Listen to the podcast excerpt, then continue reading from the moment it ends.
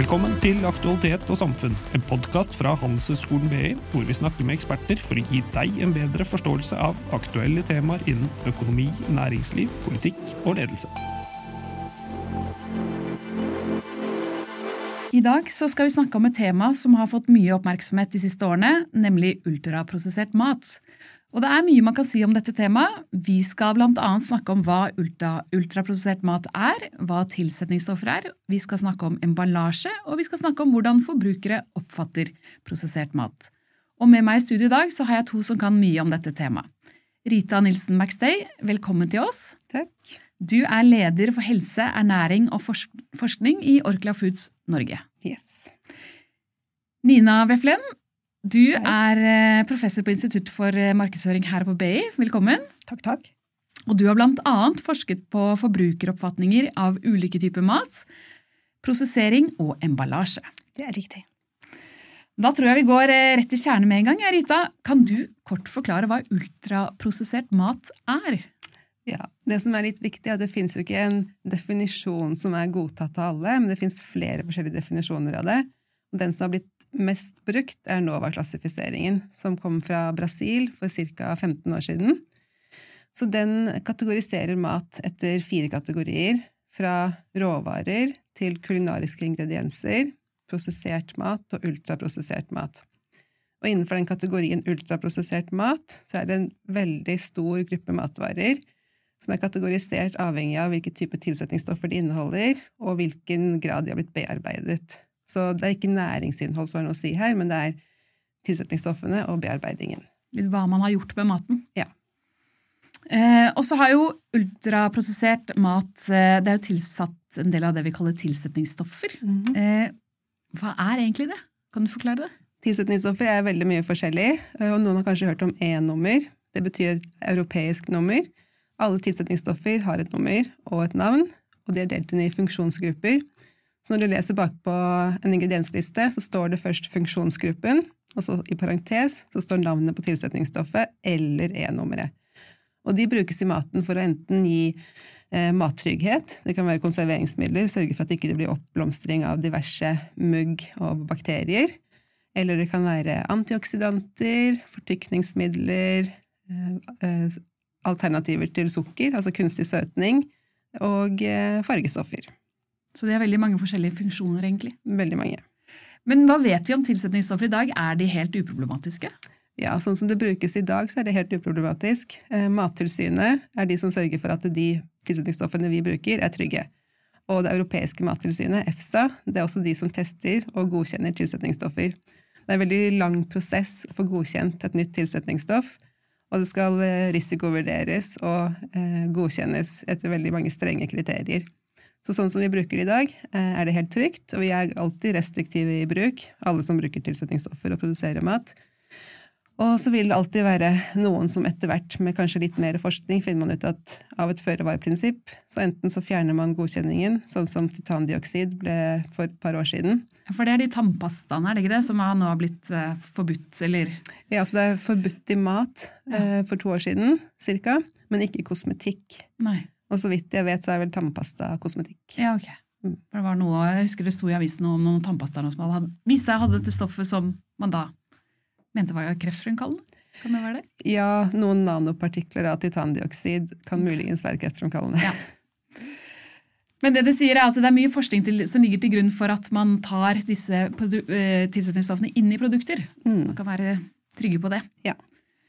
Men så har det vært utrolig mye debatt om ultraprosessert mat i de senere årene, sånn som jeg innledet om. Eh, og jeg er litt nysgjerrig på hvordan det er for dere i Orkla, da, som er produsenter av mye av denne ultraprosesserte maten, å stå midt oppi denne debatten. Hvordan, det, hvordan er det? Ja, den kom jo egentlig ganske plutselig, sånn som du sa for snakket før podkasten her nå, at du for tre år siden cirka, så begynte du å høre om det. Og det var litt sånn for oss òg. Altså, mattrender kommer og går, men ultraprosessert mat, det har vi snakket om ganske kontinuerlig nå i en tre års tid. Um, og vi trodde jo at det var på vei til å måte, dø ut litt, men så har det bare fortsatt å bli mer og mer snakk om det. Og spesielt i fjor i juni i forbindelse med de nye nordiske næringsstoffanbefalingene så ble det mye snakk om det. Og så er det litt sånn, Jeg vil egentlig ikke kalle det for en debatt, fordi hvis vi skreller litt ned, så er vi, alt, vi er veldig enige, alle som står på hver sin side av den debatten her. Og det handler jo om at vi vil at folk skal spise god mat og sunn mat, og det skal være matglede. Og hvis vi alle spiser i henhold til kostrådene, så er det egentlig ikke noe å debattere. Da spiser man et sunt kosthold. Men det er jo klart at som matprodusent så er det jo veldig lett å bli eh, angrepet for de valgene man tar. Men jeg tror at hvis vi bare som sagt ser litt nøyere på det, så er vi veldig enige, alle vi som står på hver vår side i denne debatten her. Mm. Men det er ikke alltid helt det det høres ut som. Nei, og, jeg, og det kan jeg forstå. Fordi vi er nok ikke helt enige om denne bruken av ultraprosessert som et begrep i forhold til den kategoriseringen som finnes i dag. Mm. For vi mener at det, man burde også se på næringsinnholdet, ikke mm. bare grad av prosessering og bruk av tilsetningsstoffer. Merker du noe til eh, økt oppmerksomheten rundt ultraprosessert mat innenfor ditt felt? Du forsker jo på prosessering av mat, blant annet. Eh, vi gjorde noe forskning for mange mange år siden, eller altså vi snakker sånn 10-15 år tilbake i tid, hvor vi hadde et EU-prosjekt hvor vi så på forbrukers oppfatning av forskjellige prosesseringsteknikker. Eh, og, da også, når du spurte folk, så var de skeptiske. Og det handler jo om at de ikke forstår, egentlig. At de ikke vet hva det er. Og hvis noe er sunt, eller noe er trygt, eller ikke naturlig, så, så, blir folk altså De blander dette her sammen, da. Mm, de blir skeptiske? Eh, ja, de blir skeptiske, for det, det, er jo vanskelig å vite. Altså, Vi vet at vi spiser noe, og så har det en effekt, men den effekten kommer på lang sikt, og vi kan ikke se hva som skjer inni kroppen. Så vi må jo stole på det vi hører. Så det er, det er jo ikke lett. Og når du da hører begrep sånn som ultraprosessert, altså det megaprosessert, mm. kjempeprosessert altså det, ikke, det høres jo ikke bra ut, ikke sant? Eh, men, eh, men hva er det egentlig, da? Og det, det, skjønner jo ikke folk helt. Så de blander det sammen og tenker at uh, dette her er sikkert noe industrien gjør for å tjene penger, det er noe de gjør for å lure meg, ikke sant? Men det er jo ikke det som ligger bak. Er det mange myter der ute om ultraprosessert mat? Det er mange myter om mat generelt, ja. men også om ultraprosessert. Hvis jeg tar det prosjektet igjen da, som vi hadde, så hadde vi én teknikk. at det var Pasteurisering var én ting, eh, og de visste jo ikke helt hva det var heller. Men, eh, men når vi snakket om PEF, altså Pulsed Electric Field, altså pulserende elektriske felt, så fikk du assosiasjoner til den elektriske stol. Mm. Og det er jo ikke bra. Nei. Det skjønner vi jo. Men det er klart at det, det, det, er jo ikke det det er. Eh, så det, ja, det, er, ikke lett. Folk blander sammen her. De gjør det. Men all, alt dette pratet da, om ultraprosessert mat, Rita, gjør det noe, noe, med måten dere jobber med dette på? Påvirker, hvordan påvirker det dere? Ja, det gjør egentlig ganske mye med måten vi jobber på. Og litt sånn inn på forskningsverdenen igjen, da, så har jo vi selv da initiert et forskningsprosjekt som startet i, ja, i fjor, i 2023 Eh, som fikk støtte fra Forskningsrådet, som eh, er i samarbeid med Nofima og Universitetet i Agder. Og da ser vi nemlig på det med hva er egentlig forbrukernes oppfattelser? Hva forstår de av dette her? Eh, mm. Hva bryr de seg om? Hva er det som er viktig for dem i valget av mat? Og I tillegg så ser vi på hvordan kan vi produsere mat med færre tilstøtningsstoffer og lavere grad av bearbeiding. Mm. Og Det er jo ikke noe vi måtte gjøre, men for oss, i og med at dette her ble et så stort tema som det det har blitt, så ble det veldig viktig for oss å si ok, men vi lytter til forbrukeren hva kan vi gjøre da, for å trygge dem, og eventuelt også gjøre produktene våre mer ettertraktet for den type forbrukere. For forbrukerne vil nå ha mindre tilsetningsstoffer, er det litt det du sier? Eller? Det er det vi tror, men det er fordi at det er gjerne de stemmene som snakker høyest også. Så det er ja. veldig vanskelig for oss å vite er det de 10 000-20 000 som lytter til det, eller er det de hundretusenvis av andre som spiser Toro-produktene. Mm. Hvor viktig er det for dem? Mm. Så det er det vi prøver å finne ut. da. Hva sier den gjengste nordmann om dette her? Er det noe interessant eller ikke? Det blir sikkert en studie som mange venter i spenning på. Mm. Eh, men du Nina, hvis man skal vite hva maten inneholder, så må man jo lese bakpå emballasjen på hva det er det som står. Er det mange som gjør det? Eh, nei, det er ikke det. Eh, jeg så noen forskning for noen år siden hvor det var snakk om 4 4 Det er ikke mange. Nei. Jeg skal ikke være for bombastisk og si at det alltid er tilfellet, men det er relativt få som gjør det. Mm. Eh, og da sier man at de 4 samsvarer med de som har en matfaglig utdannelse. Mm. Det betyr ikke at det er bare de som gjør det, men det er en relativt liten gruppe. Mm. Eh, og sånn som Vi snakket i forkant av intervjuet her òg, så sa du at du hadde sjekka i forkant av podkasten nå. ikke sant? hvis det er noe spesielt som kommer, da gjør vi det. Mm. Eller altså, selvfølgelig er du allergisk mot noe, så gjør du det jo mer. Eh, men hvis du ikke tilhører en gruppe som må sjekke at det ikke er mandler i maten, eller noen andre ting, så er det, det er ikke så ofte vi gjør det. Så, så vi er på en måte ikke så nysgjerrige egentlig på når vi står der med sild leverpostei i hånden, hva er det egentlig, hva er det egentlig, egentlig den inneholder? Ja, men tenk deg Når du går og handler, så er det jo ganske mange ting du kjøper som du har kjøpt før. Ja. Eh, Du tar den melka du pleier å ta. Eh, Så det er, ikke, det er ikke så ofte at du kjøper så veldig mange nye ting. Og klart Hvis det er noe helt nytt, så, og kanskje du er litt nysgjerrig, kanskje du har hørt at det her ikke er så bra, da kan det hende at du snur på og vender på produktet og leser litt ekstra. Men veldig mye av det som skjer i en butikk, er jo rutinebasert. Du tar den helmelka du pleier å ta, og du leser jo ikke opp altså, hva, hvor mange, hva var fettprosenten igjen. ikke sant? Vi handler på vane. Ja, vi gjør jo ofte det. Mm. Det er Ja. veldig interessant for oss som produsent. Da. Vi har jo utrolig mye eh, forskrifter og regler vi må følge når vi merker maten vår, bl.a. matinformasjonsforskriften. Mm. Bruker veldig mye tid på at det skal bli riktig og i henhold til reglene. Og så er det jo da bare 4% som bryr seg om eh, hva vi egentlig skriver der. Ja, ikke sant? Jeg syns det hørtes ut som overraskende få. Men eh, jeg gjorde litt research i forkant av denne episoden. her, Så tok jeg en, eh, en boks med frokostblanding og så tenkte jeg, hva er det, en som jeg vet er veldig populær. Så tenkte jeg hva er det egentlig, hva er det egentlig den inneholder? Og da kunne jeg liste opp det var ti ingredienser, og de fem første kjente jeg igjen som mat. Det er liksom, står havre, det står ruk, sånne type ting. Men så de fem neste ingrediensene var eh, surhetsregulerende midler, emulgator, invert sukkersirup, melass og antioksidant. Og da tenker jeg på sånn Hvordan skal du egentlig vite hva det er du spiser når du knapt eh, klarer å uttale ordene? Man, som forbruker har jo ikke sånn forståelse av hva disse ordene egentlig betyr. Det jeg det er litt vanskelig, da. Jeg skjønner at det kan være vanskelig, og det er også litt sånn med måten vi må merke på, sånn som matinformasjonsforskriften og tilsetningsstofforskriften. Vi må bruke de ordene som står der, som vi kan bruke. Sånn som en antioksidant, da, som er veldig vanlig, er askorbinsyre. Vet du hva det er? Aner ikke. Nei, hvis jeg sier at det er C-vitamin. Eh, ja, det Ja. høres jo ikke ut som det er det du sier. Nei, fant det. Men det er det. Det er Ja. det samme. Men Ja. vi som da matprodusent må skrive antioksidant, askorbinsyre. Ja. Mens dere som forbrukere hadde skjønt mye mer hvis det sto C-vitamin bakpå. Mm, men det, har du, har, det er ikke lov? Nei. Nei. Så det kan jo være litt forvirrende som forbrukere. Og en annen ting, eksempel hjemme når du baker en kake, så tar du bakepulver ut av skapet. For oss så heter det ikke bakepulver. Da heter det dinatrium, difosfat og natriumbikarbonat. Ja. Da høres det ut som noe litt skumlere. Det gjør det. Mm. Og så hvis man begynner å se litt nærmere på det, så er det egentlig ikke så skummelt. Men eh, som du også sa, de med matfaglig bakgrunn er de som leser det, og de som skjønner det. Så det, gjør, det er jo litt vanskelig.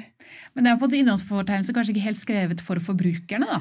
Nei, den er skrevet eh, etter et regelverk. Mm. Ja. Jeg tenker at Det er ikke nødvendigvis så lett å ta bevisste valg hvis du ikke skjønner hva som står eh, på innholdslisten. Og hvis det er en, eh, en, en boks med blåbær, Ja. som ikke er prosessert, så trenger du ikke å skrive noe bakpå. Nei. Og hadde du gjort det, så ville listen vært lang. Mm.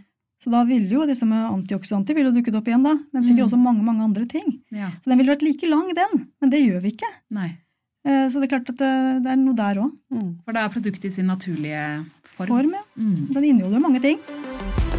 Her på BI tilbyr vi inspirerende og motiverende videreutdanning, enten du er ute etter et kurs eller en grad. Markedsføring og kommunikasjon er mer enn bare reklame. Fagområdet har stor påvirkning på din organisasjons omsetning, innovasjon og lønnsomhet. Gjort riktig så får bedriften økt kundetilfredshet, økt stolthet over egen jobbidentitet og bedre omdømme. Se link i episodebeskrivelse for mer informasjon. Eh, Nina, eh, som vi har snakket om, så har du da også forsket på forskjellige eller forbrukeroppfatninger av ulike typer mat, og så prosessering av mat. Eh, vet du hva forbrukere egentlig tenker om prosessert mat? Hva er det som vårt syn på det? De vil helst ha naturlig mat. Ja. Naturlig er best. Eh, Men da, de tenker jo ikke så langt. Altså, eh, de vil helst at det ikke skal være gjort noe med det, men de vil også at maten skal være trygg. Og helst at den skal vare en stund. Altså Trygg som at du ikke skal bli syk av den. Ikke skal bli syk Mm. av den. eh, Og det henger jo i hop. Det er jo en grunn til at vi må pasteurisere melk i Norge. Mm. Vi, vi, vi vil ikke at noen skal bli syke av maten vår, og da varmer vi opp melka til 70 grader da, for å inaktivere en del bakterier. Eh, og det, det tror jeg ikke noen tenker på at det er så ille. Så alt er jo sånn relativt og, i forhold til hva som kommer òg. Når fryseteknikken kom, eller fryseren kom 50-tallet, så var forbrukeren kjempeskeptisk. Mm. Hva skjer da? Ennå frysing er jo noe i det kalde landet vårt burde være kjent med. Ja. Ikke sant? Så vi vil helst at det skal være naturlig, vi vil helst at det skal være sunt, og vi vil at det skal vare lenge, og vi vil at det skal være enkelt. Men du sier at vi helst vil at det skal være naturlig. altså likevel, jeg tror tallet er at omtrent 60% av maten vi kjøper, er ultraprosessert. Så det er litt motstridende. Ja, ikke sant? Men hva vi sier og hva vi gjør, henger ikke i hop. Eh, altså, hvis jeg spør noen om hva de vil, så sier de én ting. Vi vil jo helst vi skal være slanke og vi skal være sunne og vi skal være mange ting vi ønsker å være. Men når vi går inn i butikken med lavt blodsukker, så er det klart at det, da er det fristende da, med mange ting. Og da gjør vi kanskje det som er enkelt. Ja, det vi har lyst på. Altså, vi er jo ikke bare helsefolk. Det er ikke bare helse som er viktig. Vi skal kose oss, vi skal ha, kjøpe noe mat som barna har lyst til å spise. Eh, vi skal ha noe som er lettvint å lage. Eh, ja, vi har ikke tid til å lage, bruke fire-fem timer på middag på en vanlig hverdag vanligvis. Nei. Jeg tenker litt på det som skjer når du går inn i butikken som en vanlig forbruker. da. Eh, si at butikkdørene går opp, og du begynner å gå din ferd langs butikkhyllene. hva slags inntrykk er det egentlig vi som forbrukere utsettes for der? Hva er det som gjør at vi liksom, valgene våre formes, da? Ja, altså Vi tar jo inn verden eh, gjennom alle sansene våre, så vi ser jo masse. Vi ser farger, og vi ser former, og vi ser lys. Eh, vi ser plassering av produktene. Vi kjenner eh, lukt, kan være. Forhåpentligvis ikke altfor ubehagelig. Eh, vi, vi kjenner luft, temperatur. Vi hører lyder. Det kan være musikk, eller det kan være annonsering av noe som er på tilbud. Eh, så vi tar jo inn alt gjennom alle sansene våre når vi er der. Og noen ganger kan vi til og med få smake på ting. Ikke alltid, men Nei, noen ganger så er det smaksprøver. Ja. Mm. Så alt dette her er med på å forme oss, eller påvirke oss der. Og så når du til slutt kommer fram til produktet ditt, så er det jo pakket inn i en emballasje. Som regel. Som regel er det Ikke det. all frukt og grønt, men noen ganger de også. Nei, det er sant. Men det, det som er pakket inn, det har jo litt, to forskjellige funksjoner. Det, skal, det er pakket inn for å beskytte, men så skal det også mm, kan man si, vekke oppmerksomheten vår og få oss til å velge akkurat det produktet. Vi vil jo helst det. Vi ønsker jo at det, De som har produsert det, ønsker at vi skal kjøpe det. Så det er klart at vi, de, prøver jo å lage dette her på en sånn måte at det vekker Kanskje skiller seg fra de andre konkurrentene i hylla. Kanskje med en annen farge, en annen form. Eh, at det kanskje signaliserer hva som er inni produktet. Eh, kanskje de skal signalisere at dette her er miljøvennlig, så det kanskje det er noe papp involvert i dette her. Eh, så ja. For Emballasje er jo viktig når det pakkes inn. Hvordan tenker dere i Orkla rundt det med rundt emballasje og bruk av det? Det er litt utenfor mitt mm. fagfelt, men sånn fra et ernærings- og mattrygghetsperspektiv så er det klart at emballasje skal jo beskytte maten og sørge for at den er trygg og den skal være riktig porsjonsstørrelse for at man ikke skal kaste for mye mat. Den skal inneholde veldig mye informasjon, som vi har snakket om allerede. Eh, og så er det jo klart at For de som driver markedsføring, så er det viktig at emballasjen er tiltrekkende. Og som forbruker så er jeg jo bevisst på det selv også. Jeg velger jo ut fra hva jeg syns ser fint ut, mm. og hva jeg får lyst på da. Ja, og kanskje appetittlig. Ja. Hva er det som vekker det er veldig viktig at mat er jo ikke bare næring, det er jo matglede. Det er lukt og smak, og smak er jo nummer én når vi velger produkter. Ja, Men da må, må emballasjen prøve å si noe om hvordan et produkt smaker, da? Ja, så for eksempel når vi tar la oss si bilde av en Toro-suppe, da, mm. og den inneholder eh, blomkål, så er det viktig for oss å vise at det er det den skal smake. Så kanskje det er bilde av en liten blomkålbukett ved siden av også, da, istedenfor ja. bare bilde av suppen. Mm. Så det er litt sånn for å gi informasjon om hva, forventer, eller hva skal du forvente at dette her smaker. Mm. Du har jo forsket på um, multisensorisk markedsføring, Nina. Og da vet jeg også at det er eh, noe som heter multisensorisk emballasje. Mm. Er det litt det Rita er inne på nå? Når ja, nå snakker hun om bilder. Og det er jo mm. klart én ting av det. Vi kan, vi kan visualisere med å ta bilde av ting. Eh, men når vi snakker om multisensorikk, så snakker vi om å spille på flere av sansene samtidig. Mm. Så da kan det godt hende at vi bruker farge og form og bilder. Men det kan også være teksturen, altså når du tar på pakka, hva den føles som. Eh, det kan være lyden. Altså En potetgullpose skal jo gi litt lyd, så du får en følelse av at dette her er noe som er crispy. Eh, så, så, og det kan være lukt. Det kan være forskjellige ting. Så Kombinasjonen av det er det vi tenker på når vi snakker om multisensorisk. Mm. Men hvordan, gjerne, hvordan ser det ut når det kommer til emballering, da? Ja, Du kan tenke altså, ta uh, Snapple, denne juicen mm. som har den kjente lyden når du åpner. Ja. Det er jo det er liksom et spesielt kjennetegn på den. ikke sant? Den skal lage den skal lyden. Lage den lyden. Ja. Eh, og du har Coca-Cola, et klassisk eksempel, da, som du ville kunne kjent igjen emballasjen om du ser den uten å se noe annet enn konturene. Eh, eller eh, Kikkoman soyasaus. Mm. Det, de skiller seg fort ut i hylla ved at de har kjente former. ikke sant? Mm. Fargene på potetgullposene, for at du lett kan kjenne igjen altså Du skal ha din eh, eh, cheese and onion, eller hva det nå er, altså, som har én spesiell farge. Vi snakket om melk her tidligere. altså Fete, kremaktige produkter har ofte sterke farger, så det er ikke tilfeldig at helmelka er rød. Nei. Og når du går ned på, på skummamelk og lettmelk, så blir den liksom lysere og lysere. eh, Og til lys rosa på den, den som har minst fett. Mm. Så det er jo signaler som også gjør det enklere for oss å finne akkurat den melka vi vil ha, uten at vi trenger å lese på baksiden. da. Så det har en viktig, veldig viktig funksjon. Ja, de har jo det. Du er både skille ut produktet i, fra de andre, og hva du skal kjenne igjen, og at du skal vite hva du får neste gang du vil ha det samme. Og hvordan finner man riktig emballasje? Er det produkttesting og forbrukertesting? og hvordan... Mm. Det er kanskje litt, sånn litt utenfor fagfeltet ditt, Rita, men hvordan jobber dere med det på Orkle? Ja, jeg jobber jo i produktutviklingsavdelingen, så selv om det ikke er mitt fagfelt, så sitter jeg jo tett med de som jobber med emballasje. Og det er det der, ja. Mye uttesting, eh, både på fabrikk og mot forbruker, og forskjellige ja, størrelser og fasonger og alt. Det ligger ganske mye bak det. Mm. Eh, mange elementer der. ikke sant? Mm. Det er en ting er at det skal beskytte holdbarhet. Kanskje det er gasspakka. Kanskje det er noe med størrelse, hvor mange porsjoner. Er det én porsjon, er det flere porsjoner? Miljøperspektivet. Ja, Ikke det har kanskje blitt enda viktigere i Ja, det siste. enda, ja ikke sant? Veldig viktig det også. Mm. Så det, er- det er jo flere ting. Og hvor lenge skal, altså, skal det være et vindu så forbrukeren kan se hva som er inni? Der, der diskuterer man jo ofte. ikke sant? Mens de som er mer matfaglige, vil si at da oksiderer det. Da, da varer det jo ikke så lenge. Det vil vi jo ikke ha. Men markedsfører vil si at de må få lov til å se.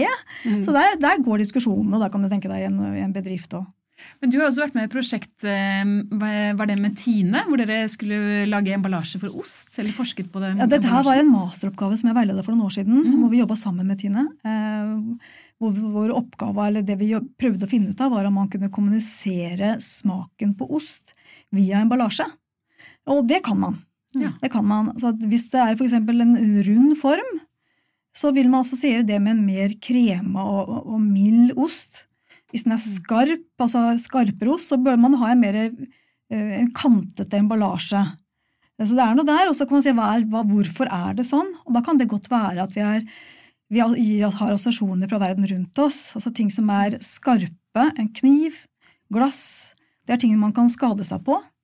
Eh, og det assosierer vi da mer med noe som har sånn skarp smak. Men hvis det er rundt og glatt og godt å ta i, da er det mildere. ikke sant? Mm. Så vi overfører dette her da fra emballasjen til produktet. Um, Finnes det egne regler for hvordan man merker ultraprosessert mat? Er det sånn noe Er det noe en, Ja. Mm, nei, det gjør det ikke. Og det er jo litt sånn tilbake til selve begrepet igjen. Det er ikke noen offisiell godtatt definisjon, dette her. Det er et, fra et forskningsstudie som ble gjort, og så har det bare blitt den definisjonen som har blitt mest populær, da. Så det er ingen eh, merking på det, nei. Eh, Noen produsenter velger jo å merke f.eks.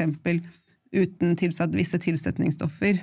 Det ser man jo blir mer og mer populært innenfor visse kategorier. Ja, sånn, det er en markedsføring. Det er gode at det ikke har Mm. tilsetningsstoff. F.eks. kjøttprodukter uten nitritt. Ja. Eh, Nå så jeg at det kom et nytt brød eh, for et par uker siden hvor det sto helt uten tilsetningsstoffer. Så det har blitt en, sånn, en slags greie, da, selv om ikke det nødvendigvis er merking av bearbeidingsgraden. Så er det ofte tilsetningsstoffer, fargestoffer, søtstoffer som trekkes frem. Men da har jeg hørt noen som eh, sånn, det, snakker om at man tar ut et tilsetningsstoff. Karagenan, da, for eksempel, som jeg føler det har vært mye debatt om. Og så putter man bare et annet tilsetningsstoff oppi for å få den samme effekten. Og da er jo liksom kritikken at da har du bare erstattet noe dårlig med noe annet dårlig. Det føler jeg liksom Ja, altså hvis premisset er at eh, det er dårlig, da. Vi valgte jo å ta ut Karaginan, vi også. Ja. Og det var litt som et føre-var-prinsipp, pluss at vi anså at eh, forbrukerne ble såpass opptatt av det. Og da var det viktig I noen produkter så kunne vi bare ta det helt ut. Eh, enten at vi da syntes det var ok med en liten endring i tekstur, eller at vi bare tenkte at det går bra. Um, I andre tilfeller så har vi eh, erstattet det med noe annet. og Da var det veldig viktig for oss å gjøre en del research på hva vi erstattet det med. Da. Eh, hva slags forskning eh, ligger rundt dette tilsetningsstoffet nå i forhold til tidligere? Hvordan er det i forhold til karaginan? Eh, og så har vi jo kommet fram til gode løsninger, synes vi. Og det er også blitt en del av forskningsprosjekter, og nettopp det å se på erstatninger til karaginan. Mm. Så der skjer det, skjer det en del nå? Mm. Og Samtidig så er det viktig å påpeke at da man tok i bruk karaginan, så var det jo ingen som var skeptiske til det. Det er jo kjempelenge siden nå. Og det er fortsatt ikke noe ordentlig god forskning på at karaginan ikke er bra for oss, men i og med at det er noen få dyrestudier som viser at det kan eh, ha en påvirkning på tarmfloraen vår, pluss at forbrukere er så opptatt av det, så valgte vi å ta det ut. Mm. Det samme gjorde jo Tine og Nortura også. Mm. Ja. Eh, men merker dere, tenker dere nå nå er vi i 2024. Tror dere det blir mye endringer på dette området fremover? Bare når det kommer helt regler for emballering, hva vi gjør med maten, hvordan vi bearbeider den. Det er liksom blitt et nytt eh, fokus på, på, hva vi gjør med maten, for det er liksom, tenker jeg, de siste årene har vist. Hva tenker dere om fremtiden? Jeg tror det kommer til å fortsette sånn her. Og alle Ja. spiser mat. Alle er opptatt av egen helse og god mat. Så vi kommer alltid til å snakke om det, og det syns jeg er kjempefint. Man må jo være opptatt av hva man putter i seg. Eh, Man bruker mye penger på mat, man bruker mye tid på mat. Så jeg håper jo at eh, forbrukerne fortsatt vil være veldig opptatt av det. Og sånn som med regelverk, det endrer seg jo stadig. Eh, Nå er røykearoma oppe som en mulig ingrediens som ikke er lov til å bruke lenger. Mm. Det var jo ikke et tema for et halvt år siden. Så sånt skjer hele tiden. For nå tror man at det er noe at røykaroma ikke er så bra, da? Så, eller hva, hva er det som skjer? Ja, Hvorfor har er røykaroma plutselig kommet opp? De, har, de søkte om å få ny godkjenning for ti år, og så har de fått avslag på det. Men samtidig så er jo ikke akkurat røyking noe bedre nødvendigvis. Nei. Så det er litt sånn eh, catch 22 for de som skal produsere noe. Er det, og for forbrukeren, egentlig. Hva er på en måte verst, da? Røyk eller røykearoma? Det er ikke så lett. Det er ikke det. Nei, det er ikke alltid man får to streker under svaret. Nei, også ting man er kjent med. at Vi har jo mange tradisjonsretter i Norge som er veldig prosessert. Klippfisk Ja. blant annet, eller eh, Lutefisk. pinnekjøtt, lutefisk. Og tenker vi at det er ille? Jeg, jeg vet ikke, jeg har ikke gjort noe på det, men jeg, tenker at det, jeg vil tro at man aksepterer det mye mer, fordi det er alltid vært her. Mm. Og at selv om det er veldig prosessert, så er det ikke så farlig. Men jeg har inntrykk av at mange kobler ultraprosessert mat sammen med veldig mye sykdom vi har fått nå de senere tiårene som vi ikke hadde så mye av før. Og så er det ingen som klarer å si hvorfor det er mer sykdom, mer tarmsykdom og mer, eh, mer av veldig mange forskjellige sykdommer. Og så leter man etter en løsning, og mat er jo noe vi alle putter i oss mange ganger i løpet av dagen. Og Da er det litt frustrerende at det ikke fins alltid to strekkende under svaret der, der heller. Det er interessant, da, for det er noe med at det er så komplisert og vanskelig å forstå. Så Hvis du går tilbake og tenker på lyn og torden, ikke sant? hvor vi- det lyna og det tordna, vi prøvde å forstå det, så kom vi opp med noen forklaringsmekanismer, at det var Thor som rev over himmelen og slo på vognhjulet. ikke sant? En forklaring. Altså det er klart at Hvis det, vi ser at vi vet hva vi spiser, og vi, vi, vi ser at noen blir syke, og så kobler vi dette her sammen på en eller annen måte, så kan det bli mange rare konspirasjonsteorier òg. Ja. Så det, ja. Og derfor blir forskning på dette bare veldig viktig. Jeg tror det. Og så er det kjempevanskelig. Mm. Fordi hvordan kan du kontrollere bra nok akkurat hva det er forskningspersonene hva de har spist? Og hva spiste de for ti år siden, da de først utviklet en sykdom? Ja. Det er veldig vanskelig med ernæringsforskning. Og det får ikke så mye midler som f.eks. medisinsk forskning. Og så er det kjempevanskelig å Du vil gjerne ha forsøkspersoner hvor du kan si til dem akkurat dette de skal spise. Og da må du gi dem all maten, så må du observere dem i et lukket sted. Da. Mm. Du kan ikke bare sende dem hjem og satse på at de spiser det du har gitt dem. Men Du spiser så mye forskjellig i løpet av en dag. Og så er det andre faktorer som sikkert påvirker helsa di òg. Stress og Fysisk aktivitet, fysisk aktivitet. som vi gjør altfor lite av. Ja. Jeg tror i hvert fall en ting er sikkert, og det er at temaet ultraprosessert mat og, og helse er ikke ferdig debattert. Et siste spørsmål om emballasje som jeg gjerne vil høre med dere om. Og det er bare sånn enkelt spørsmål som blir vi litt lurt? Kjøper vi maten fordi den ser fin ut? Eh, Eller fordi innpakningen er fin? Ja, vi kjøper maten fordi den ser fin ut, noen ganger, men jeg vil ikke si at vi blir lurt. Eh, Det er klart at Hvis du skal kjøpe en, en eh, parfyme, så kan det være veldig vanskelig å vurdere hva som er inni, hva som er en god parfyme, ikke god parfyme, og selv hvis du skal gi det som en gave. Så da blir emballasjen en, en del av det. Eh, Og nå snakker vi om mat. Det er klart det også. Hvis, hvis du ser en fin flaske med noe, så kan det godt hende at du tar, kjøper den for det. Eh, Hvis du ikke liker det som er i, så kanskje ikke du kjøper igjen. Men om du har blitt lurt, det vet jeg ikke. Altså, da kan du jo kanskje fylle noe annet på den eh, fine flaska, da, hvis du vil det. Eh, Og det er klart at eh, hvis du skal selge din leilighet, så vil du jo vaske og pynte og gjøre det pent. Lurer du de som kommer på visning? Vi, ønsker jo å vise dem det vi har, så godt vi kan. Ikke sant? Absolutt. Så jeg vil si at eh, ja, vi kjøper emballasje en del av det, eh, men jeg, jeg syns ikke vi blir lurt, da. Jeg er enig. Du kan si at emballasjen er en del av opplevelsen. Mm. Rita og Nina, det har vært veldig fint å ha dere i studio. Jeg har lært eh, masse om eh, temaet ultraprosessert mat eh, i dag. Eh, og jeg tror det eneste som er helt sikkert, er at dette temaet ikke er ferdigdebattert. Så kanskje snakkes vi igjen. Tusen takk for at dere kom i studio i dag. Takk for at dere kommer.